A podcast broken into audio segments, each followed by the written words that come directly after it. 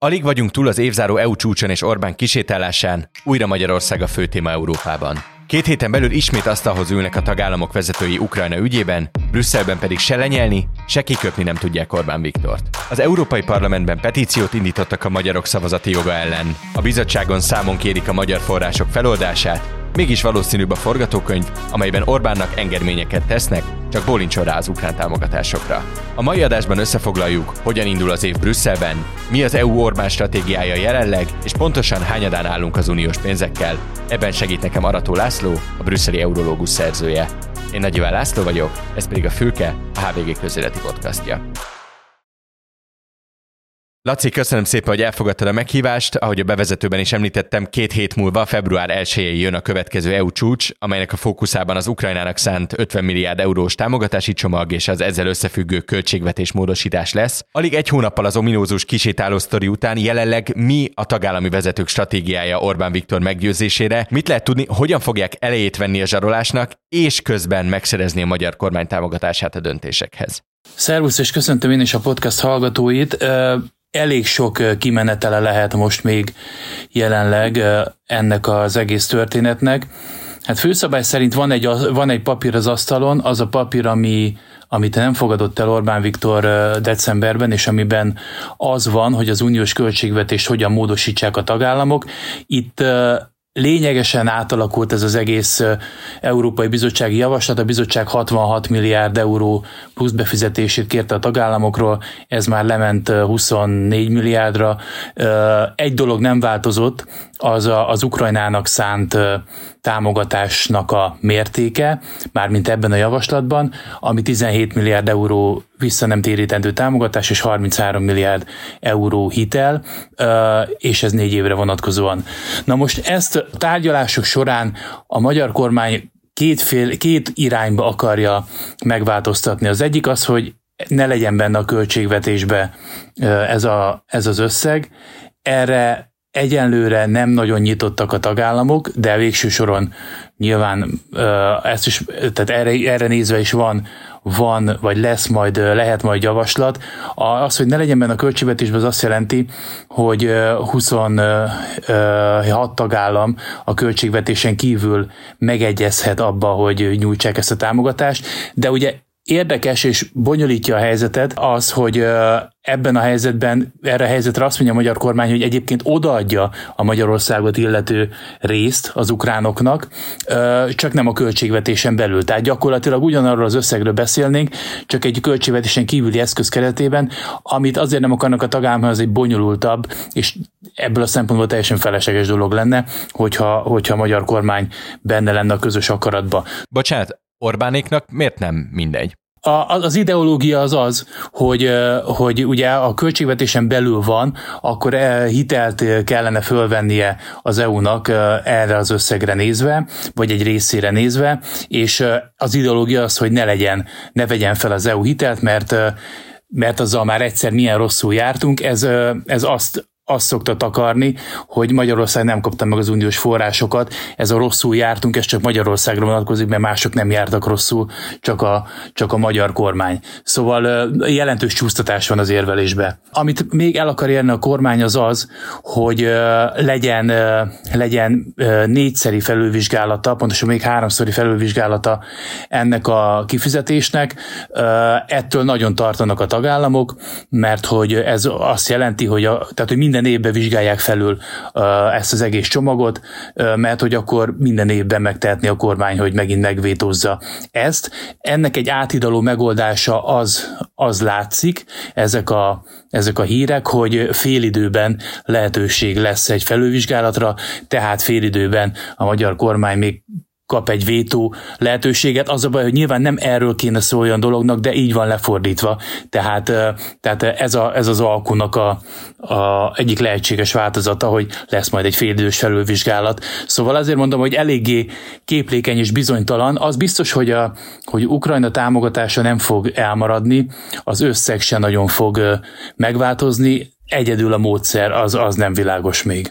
Olyat már azért nem egyszer láttunk, például az összes szankciós csomagnál, Orbán Viktornál, hogy valamit prédikál Magyarországon, majd végül mégis belemegy egy alkuba, Mit lehet tudni arról, hogy ezúttal Orbán Viktor kérne vagy kérhete valamit cserébe azért, hogy szemet hunjon, és hát ne is kisétáljon, de mondjuk megszavazza ezeket a döntéseket? Igen, mindig ez az ultima ráció a magyar kormánya kapcsolatban, hogy na de hát úgyis aztán a végén beállnak a sorba, csak kicsit még húzzák az időt, kicsit még hazabeszélnek, de aztán a végén ők is ott vannak. Ehhez képest egyébként vannak olyan hivatalosan egyáltalán meg nem erősített hírek, viszont nem hivatalosan meg elég sok helyről egybehangzóan érkező információk, hogy Magyarországnak van egy követelése, ami az, hogy a helyreállítási alapoknak a felhasználhatóságát, tehát a pénz elköltésének az időintervallumát tolják ki két évvel.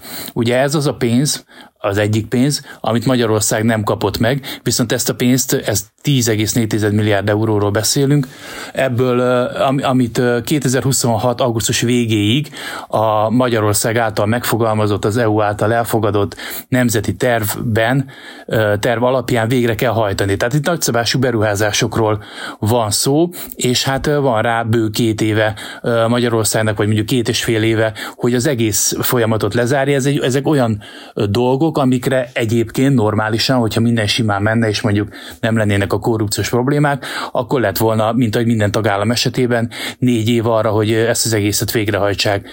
És Magyarország azt szeretné elérni, hogy tolják ki a határidőt két évvel, azért, mert már látható most, Ugye még hozzá se fért Magyarország a pénzhez, de már most látható, hogy, hogy nem fogjuk tudni befejezni, és ha nem fejezzük be, akkor a fel nem használt pénz az elvész. Tehát itt nagyon komoly, nagyon komoly pénzekről van szó, gondolom ezt kiszámolták már Budapesten is, hogy, hogy mi az, amit meg tudunk csinálni. Ha és amennyiben, mondok egy időpontot, mondjuk ebben az évben sikerül hozzáférni ezekhez a forrásokhoz, de ugye erre sincs garancia, mert ugye ez irányba a lépések hát nagyon szegényesek. Maradjunk még egy percig a brüsszeli tanácsi tárgyalóasztaloknál. Ki képes hatni szerinted jelenleg az Unióban Orbán Viktorra? Meddig tartható fenn az a megoldás, amit decemberben is láttunk, hogy az erősebb vezetők időnként leülnek vele, mint nem tudom, a rossz gyerekkel a napközis tanár, kis időre valami megoldást, kompromisszumot találnak, hogy ő ne kotnyileskedjen, aztán újra és újra elő kell venni minden találkozó előtt ezt a vitát. Igen, ebben a szerepleosztásban valóban nem először vagyunk azt lehet tudni, hogy itt a, a nagy összebékítő, meg a nagy közvetítő a Charles Michel, az Európai Tanács elnöke, aki, aki nem csak ez ügybe, hanem minden más ügybe ö, szokott közvetíteni tagállamok, vagy tagállamok csoportjai között. Most az a helyzet, hogy van egy 26-os csoport, meg egy egy tagállamból álló csoport, és itt próbál próbál például Michel is valamiféle eredményt elérni. Én nem gondolom azt, hogy ez túlzottan sikeres lenne. A, mondom, az eléggé általánosan elterjedt vélemény, és ez sok hivatalos helyről visszajön, vagy félhivatalos helyről, de mondjuk kormányzati körökből, hogy, hogy előbb-utóbb úgy is, úgy is beadják a derekukat, és nem lehet ezt a végtelenségig csinálni, tehát nem fognak meghiúsítani fontos döntést a, a magyarok, csak még egy kicsit, kicsit játszák a szerepet, és aztán van, aki ki is mondja, hogy ezt Putyin kedvéért teszi Magyarország, tehát a balti államok az, az, azok már úgy gondolják, hogy ők tulajdonképpen Vladimir Putyinnal tárgyalnak, és nem Orbán Viktorral, és vannak más országok is, akik ugyanezt gondolják. Ezt azért egy éve nem mondták volna még így, de most már így ki, de most már kimondják, hogy a szerepleosztás az mi legyen. Ugye eddig még a Merkel időszakban Angela Merkel volt az, amelyik talán tudhatott hatni Orbán Viktorra, aztán ez is elmúlt. Most hát Scholz biztos, hogy nem az a személy német kancellárként, és hát nagy tagállami vezetőként nem nagyon maradt más, mint a francia elnök, aki azért a legutóbbi csúcson is oda-oda mondott Magyarországnak, a magyar miniszterelnöknek pontosabban. A többiek, a többiek azok inkább úgy vannak vele, hogy, hogy panaszkodja ki magát Orbán Viktor, mondja el a magáét, aztán pedig lehetőség szerint álljon be a sorba, vagy pedig pedig hát amit te is említettél, jön ez a megoldás, ami, ami mondjuk egészen, egészen elképesztő volt, amikor hát megkérték, hogy menjen ki kávézni, és hát ezt megpróbált aztán a magyar kormány teljesen normális dolognak beállítani, de hát azért mindenki tudja, hogy ez nem az. Ugye amikor az EU-s forrásokat zárolták, akkor alapvetően az volt a konszenzus, hogy na végre az Európai Unió bekeményített a saját érdekei, a saját forrásai védelmében, és, és végre fölállt Orbán Viktorral szemben nem hagyta, hogy menjen ez a zsarolás, és Itt állunk a jogállamisági mechanizmus beindítása után alig több, mint másfél, de mondjuk mondjuk azt, hogy lassan két évvel, és azt látjuk, hogy megint csiki-csuki játszma van Orbán Viktor körül, és kicsit olyan, mintha ő mozgatná a szálakat. Ezt az egész színjátékot, játszmát nevezzük, ahogy szeretnénk nevezni, ami Brüsszel és Budapest között zajlik. Ezt csak azért érzékeljük ennyire nagy és égető kérdésnek, mert minket érint, vagy ez Brüsszelben is tényleg akkora probléma és fejtörés, mint amekkorának itthonról látszik? Mennyire van elől az EU, nem tudom, agendáján vagy a teendő listáján az, hogy valamit az Orbán helyzettel kezdeni kell?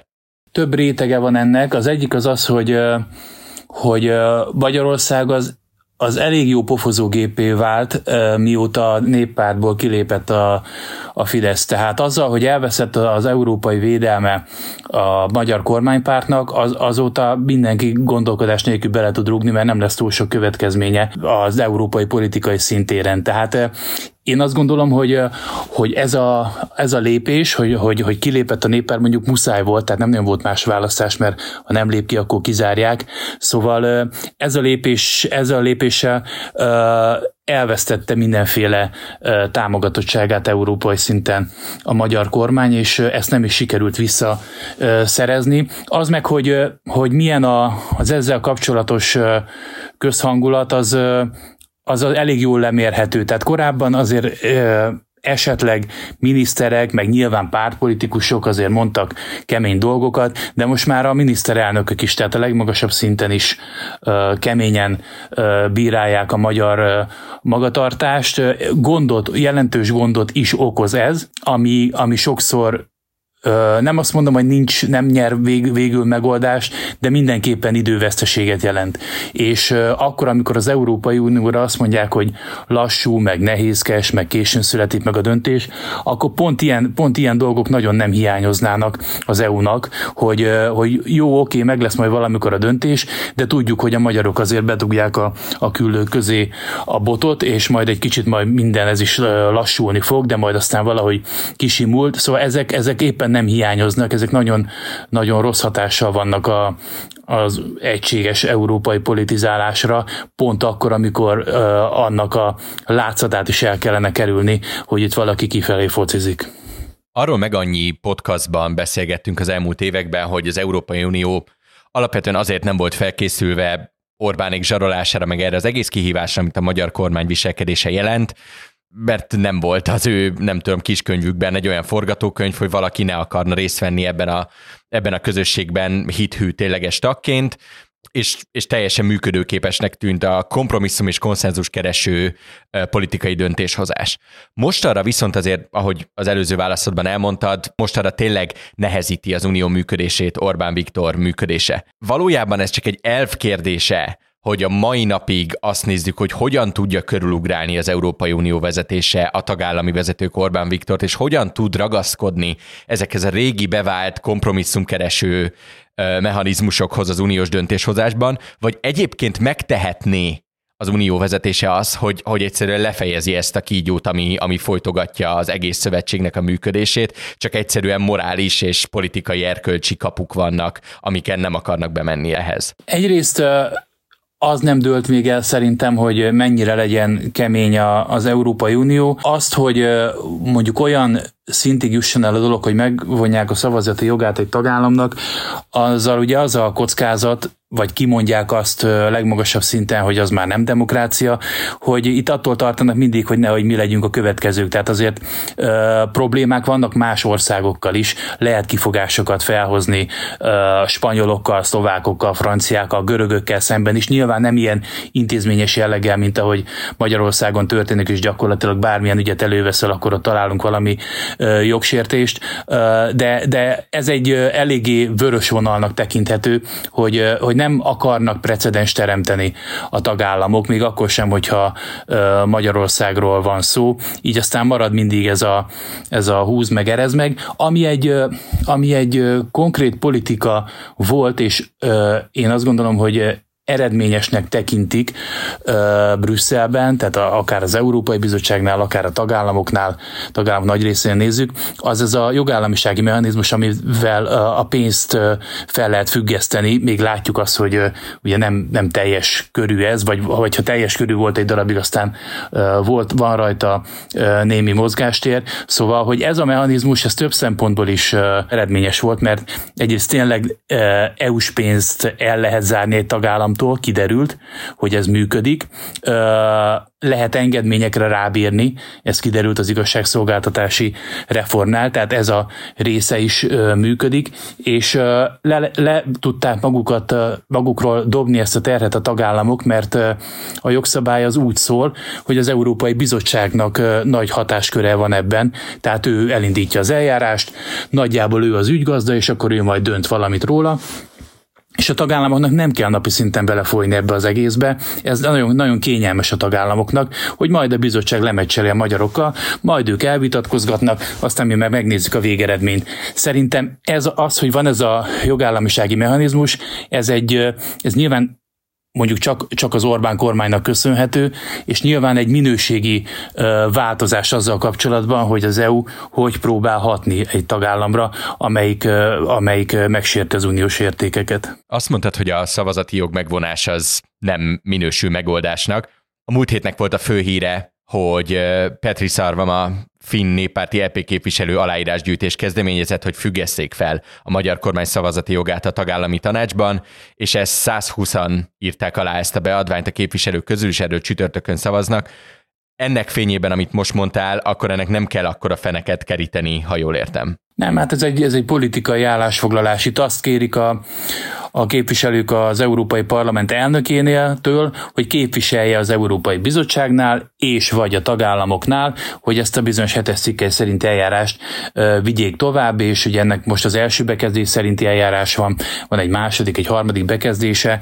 A második rátérnénk, akkor ö, ö, arra alapozva már a harmadik bekezdés szerint meg lehetne vonni akár a szavazati jogot, hogyha el megelőzőek kimondják, hogy tartósan ö, sérülnek az uniós értékek Magyarországon, Magyarországon. Szóval ez a ö, kezdeményezés, ennek akkor lenne értelme látszatja, hogyha erre hivatkozással, vagy mondjuk tök, tök mindegy, mert függetlenül is az Európai Bizottság a homlokára csap, és azt mondja, hogy hát tényleg nekünk ezt meg kéne csinálni, amit két éve nem csinálunk meg, vagy pedig a 26-ból 9 tagállam azt mondja, hogy mi igen ezzel egyetértünk, és akkor ők is napirendre tudják venni ennek az ügynek a továbbvitelét a tagállami tagállamok tanácsában. Tehát vagy a bizottság, vagy 9 tagállam kell ehhez. Az Európai Parlament, hogyha mind a 700 képviselő akarja, akkor is kevés lenne önmagába ehhez. Van oka annak, hogy most éred be ez a dolog, tehát például hivatkoznak a decemberi EU csúcsra arra, hogy Orbán megvétózta az ukrán támogatást, de hát ez, ez azért egy politikai adok-kapoknak a része, ami, ami nem független az Európai Parlamenti Választási Kampánytól, illetve az Európai Parlamentnek a pozíció keresésétől, hogy ő majd az ő érdekeit, szempontjait hogy fogja tudna érvényesíteni a választások után. Tehát akkor annak nincs nincsen realitása, hogy a Magyarországgal szembeni szemöldök húzogatás egyszer csak belátható időn belül oda vezet, hogy tényleg megvonják a szavazati jogon. Én ezt most nem gondolom, nem gondolom. Ez egy ennél egy sokkal lassúbb folyamat, bár nem tudjuk, hogy milyen lassú, meg milyen gyors, meg sose csinálta senki, tehát nem is gondolták, hogy erre ezt majd alkalmazni kell, és ez, ez mondjuk probléma is, mert hogy, mert hogy nincs meg a, a kézikönyv, hogy ez alapvetően hogy kéne működni, de hát itt, itt politikai döntésre van szükség, és igazából azért, mert a hetedik, hetes cikkely nem nagyon történt vele semmi, nem haladt, éppen ezért jött egy joga, sokkal hatékonyabbnak ítélt eszköz a jogállamisági mechanizmus, amelyik egy sokkal gyorsabb eljárásban látványosabb eredményeket tud ö, hozni, mint, mint ez a végtelen meghallgatósdi ö, a hetes cikkel kapcsolatban, meg hát ott ugye ö, van vétó, jog, vétó lehetőség, tehát ö, eddig a lengyelek, most már a szlovákok, azok, akik Magyarországot kiránthatják ebből a veszélyből, szóval ö, nem ez nem egy, nem egy működőképes eszköz. És vegyünk elő még egy témát, amivel a múlt héten sokat foglalkoztunk mi is a hvg.hu-n, az az, hogy előállhat egy olyan helyzet, hogy kis időre akár Orbán Viktor lehetne az Európai Tanács elnöke. Ez milyen esetben fordulhat elő idén, és jogosak-e az ezzel kapcsolatos tagállami agályok? Igen, és Charles Michel az Európai Tanács elnöke volt az, aki a féltéglát belevágta a tó közepébe e, év elején, és azt mondta, hogy ő, ő EP képviselő akar lenni e, júliustól. Az ő mandátuma tanácselnökként e, november végéig tart, nem lehet meghosszabbítani, tehát egyszer, két és fél évre választják a, az Európai Tanács elnökét, amit egyszer lehet meghosszabbítani, tehát öt év. Ő ezt az öt évet most ki fogja tölteni ennek úgy kellene normálisan történni, vagy kellett volna történnie, hogy amikor végig meg lezajlanak az EP választások, akkor utána a tagállamok eldöntik, hogy ki lesz az Európai Tanács új elnöke, és az új elnök majd decemberben hivatalba lép. Ez a választás,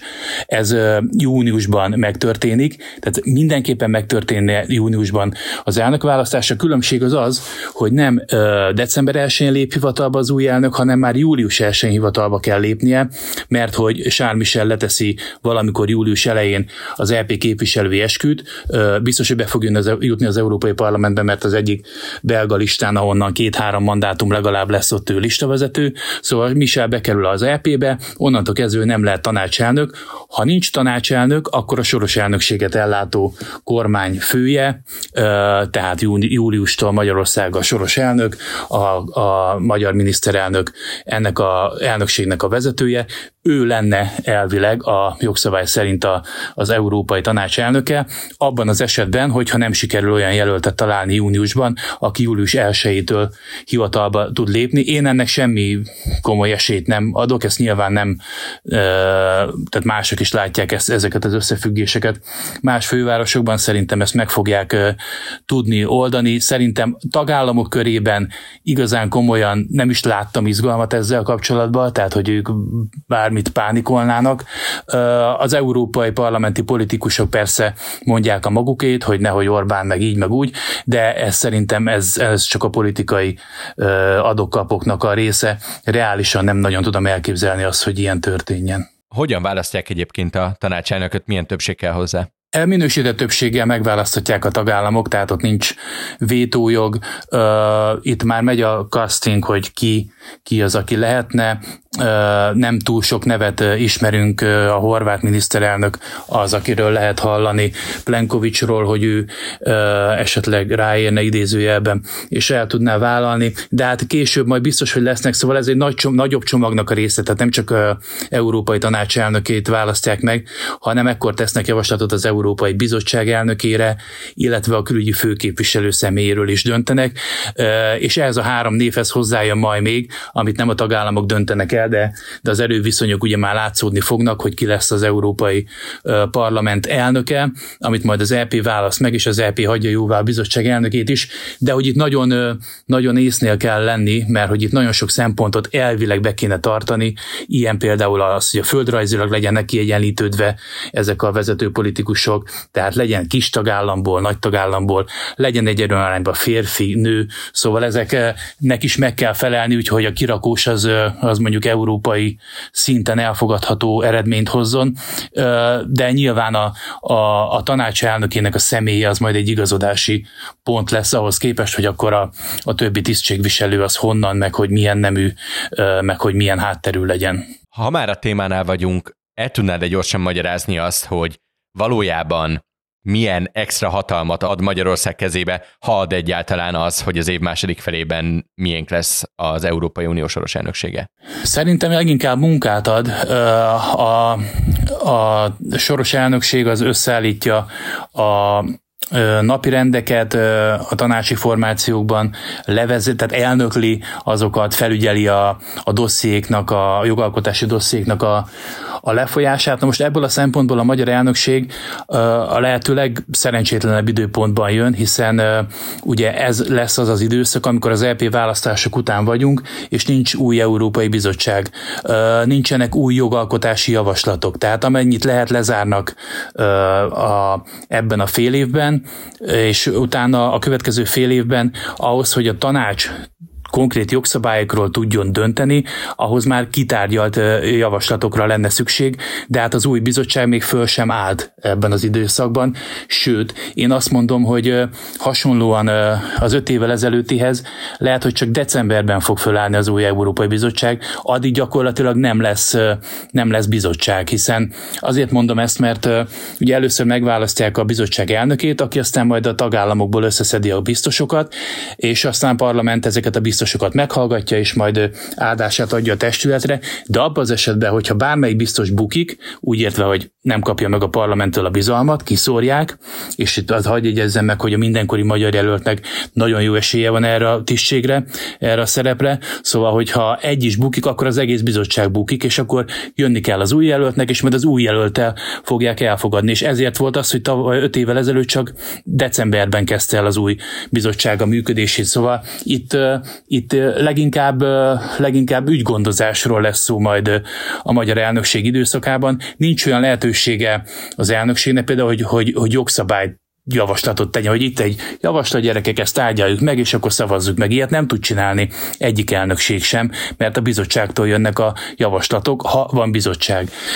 És hát ebben a helyzetben ugye mindig vannak elnökségi célok, Magyarországnak is lesznek elnökségi céljai, de hát én azt gondolom, hogy itt maximum a, a konferenciák és a politikai nyilatkozatok az a szint, amit, amit meg tud ugrani ebben a helyzetben egy elnökség. Azt lehet tudni, hogy a magyar kormányból kik lesznek a szerep szereplők a soros elnökségben, kik azok, akiknek nagy felelősség juthat abba, hogy akár csak ilyen informális vagy látszólagos, de sikereket elérjenek? Itt a, a kulcspozíciók az, az például a, a pénzügyminiszter, tehát aki az ecofin fogja majd elnökölni.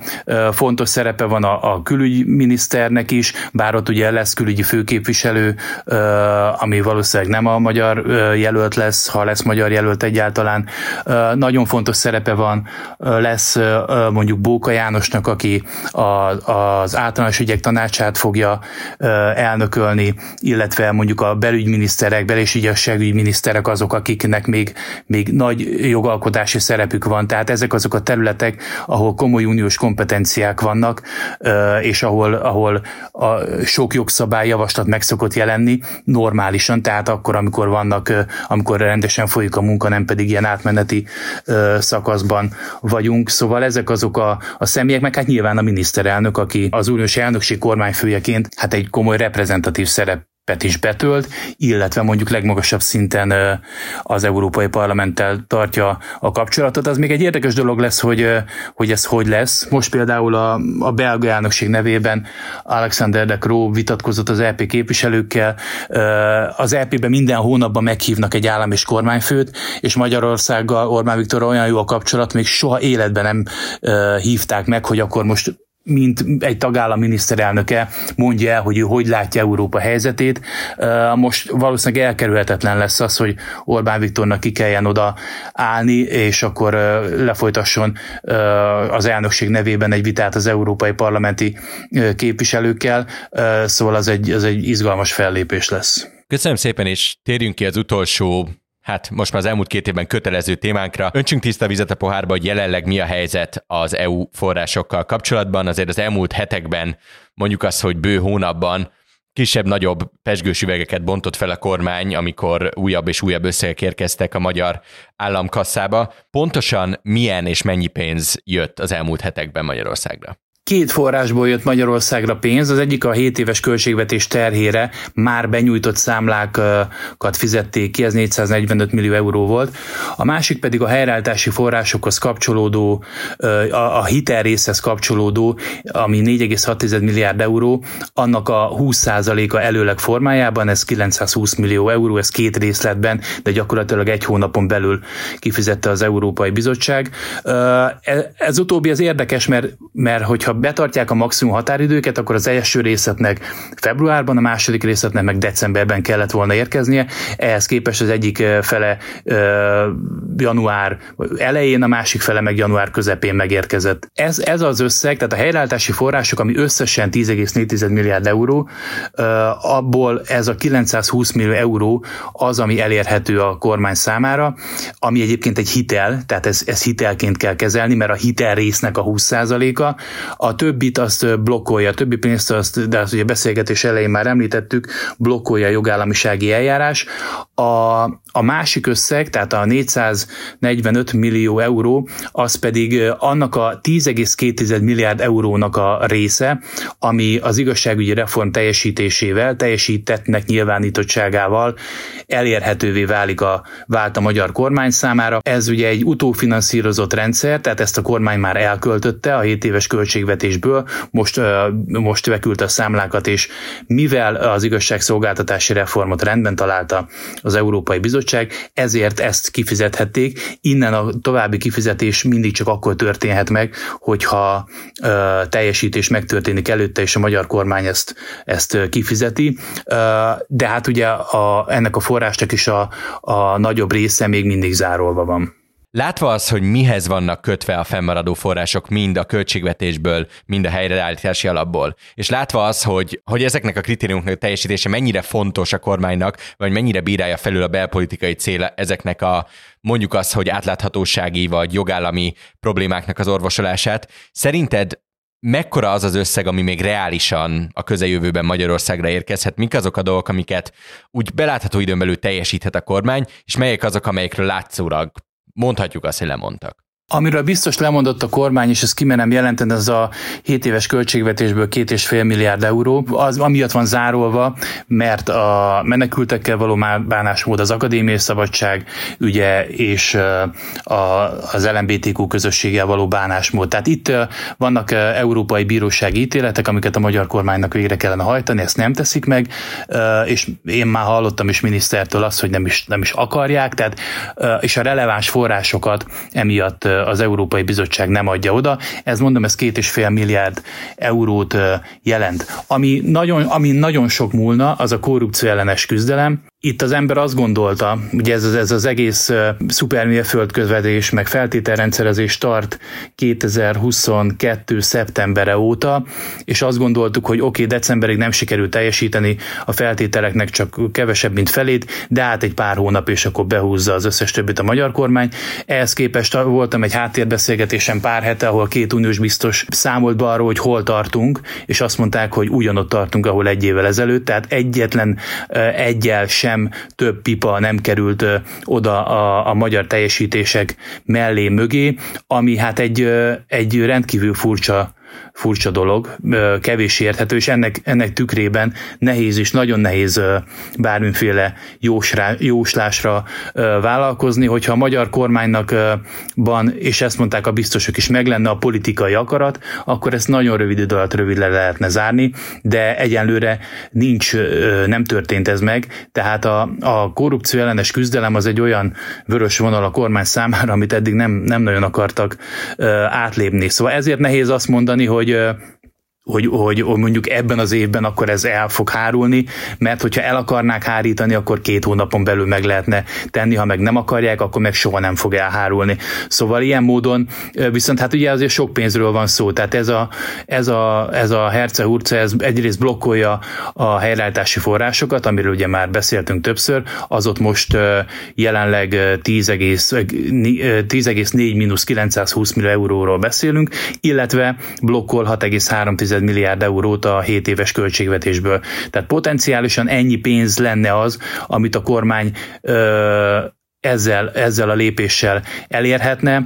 Van olyan, ami, ugye, amit mondtam, a két és fél milliárd, amit nem is akar, és akkor ezt a 10,2-t ezt meg költögetjük majd udófinanszírozásba, de hát, de hát ugye még, még bőven lenne tartalék vagy lehetőség. Szóval én, én, én azt gondolom, hogy itt kizárólag a kormány szándékán múlik az, mint hogy eddig is így volt, hogy mikor jut Magyarország a pénzhez. Az Európai Bizottság már nem is nagyon tud miről tárgyalni, azt mondják, hogy nincs nagyon értelme miről tárgyalni, mert hogy tudja, tudja a magyar kormány, hogy mit kell csinálni, milyen jogszabályokat kéne letenni az asztalra, milyen formában, de hát nem, nem csinálják egyszerűen, és hát Brüsszelbe széttárják a karjukat emiatt. Köszönöm, és végezetül egy dolgot tisztázunk még kérlek. Ugye korábban említetted, hogy van olyan plegyka értesülés, hogy a helyreállítási alapok felhasználhatóságának a határidejét szeretnék kitolni a magyar kormány cserébe azért, hogy engedményeket tegyen például Ukrajnával kapcsolatban.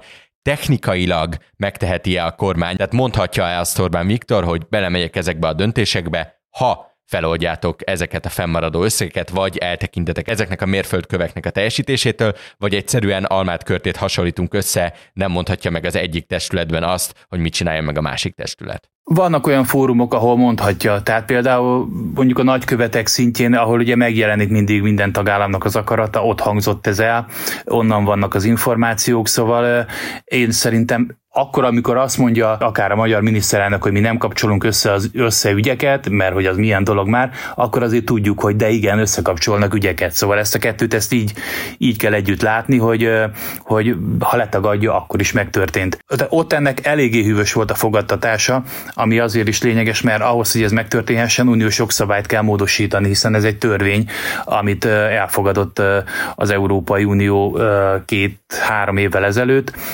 és oda be van vannak írva a dátumok, tehát ahhoz, hogy ott a más dátum szerepeljen, ahhoz meg kell módosítani a törvényt, és a többieknek meg abszolút tök mindegy, vagy hát nem érdekük ez, mert, mert hogy nekik rendben ketyegnek a pénzek. Szóval a, a zsarolás az eléggé, eléggé tényszerű, eléggé ö, konkrét. Én nem gondolom azt, hogy politikailag vállalható az az Európai Unió számára, hogy, hogy egy ilyen alkuba belemenjenek, tehát hogy, hogy össze nem függő, össze nem illő ügyeket ilyen módon összekapcsoljanak. Én szerintem ezt a, ma már egy, a tagállami vezetők politikai felelősségtudatában nem tehetik meg, mert az nekik népszerűségvesztést fog eredményezni a saját országukban. Laci, nagyon szépen köszönöm. Én is köszönöm a lehetőséget. Hallgatóinknak pedig köszönöm szépen a figyelmet. A fülke hamarosan folytatódik, addig is iratkozzanak fel a HVG podcastokra és kapcsolják be az értesítéseket, hogy egyetlen adásunkról sem maradjanak le. Én Nagy Iván László vagyok, viszont hallásra.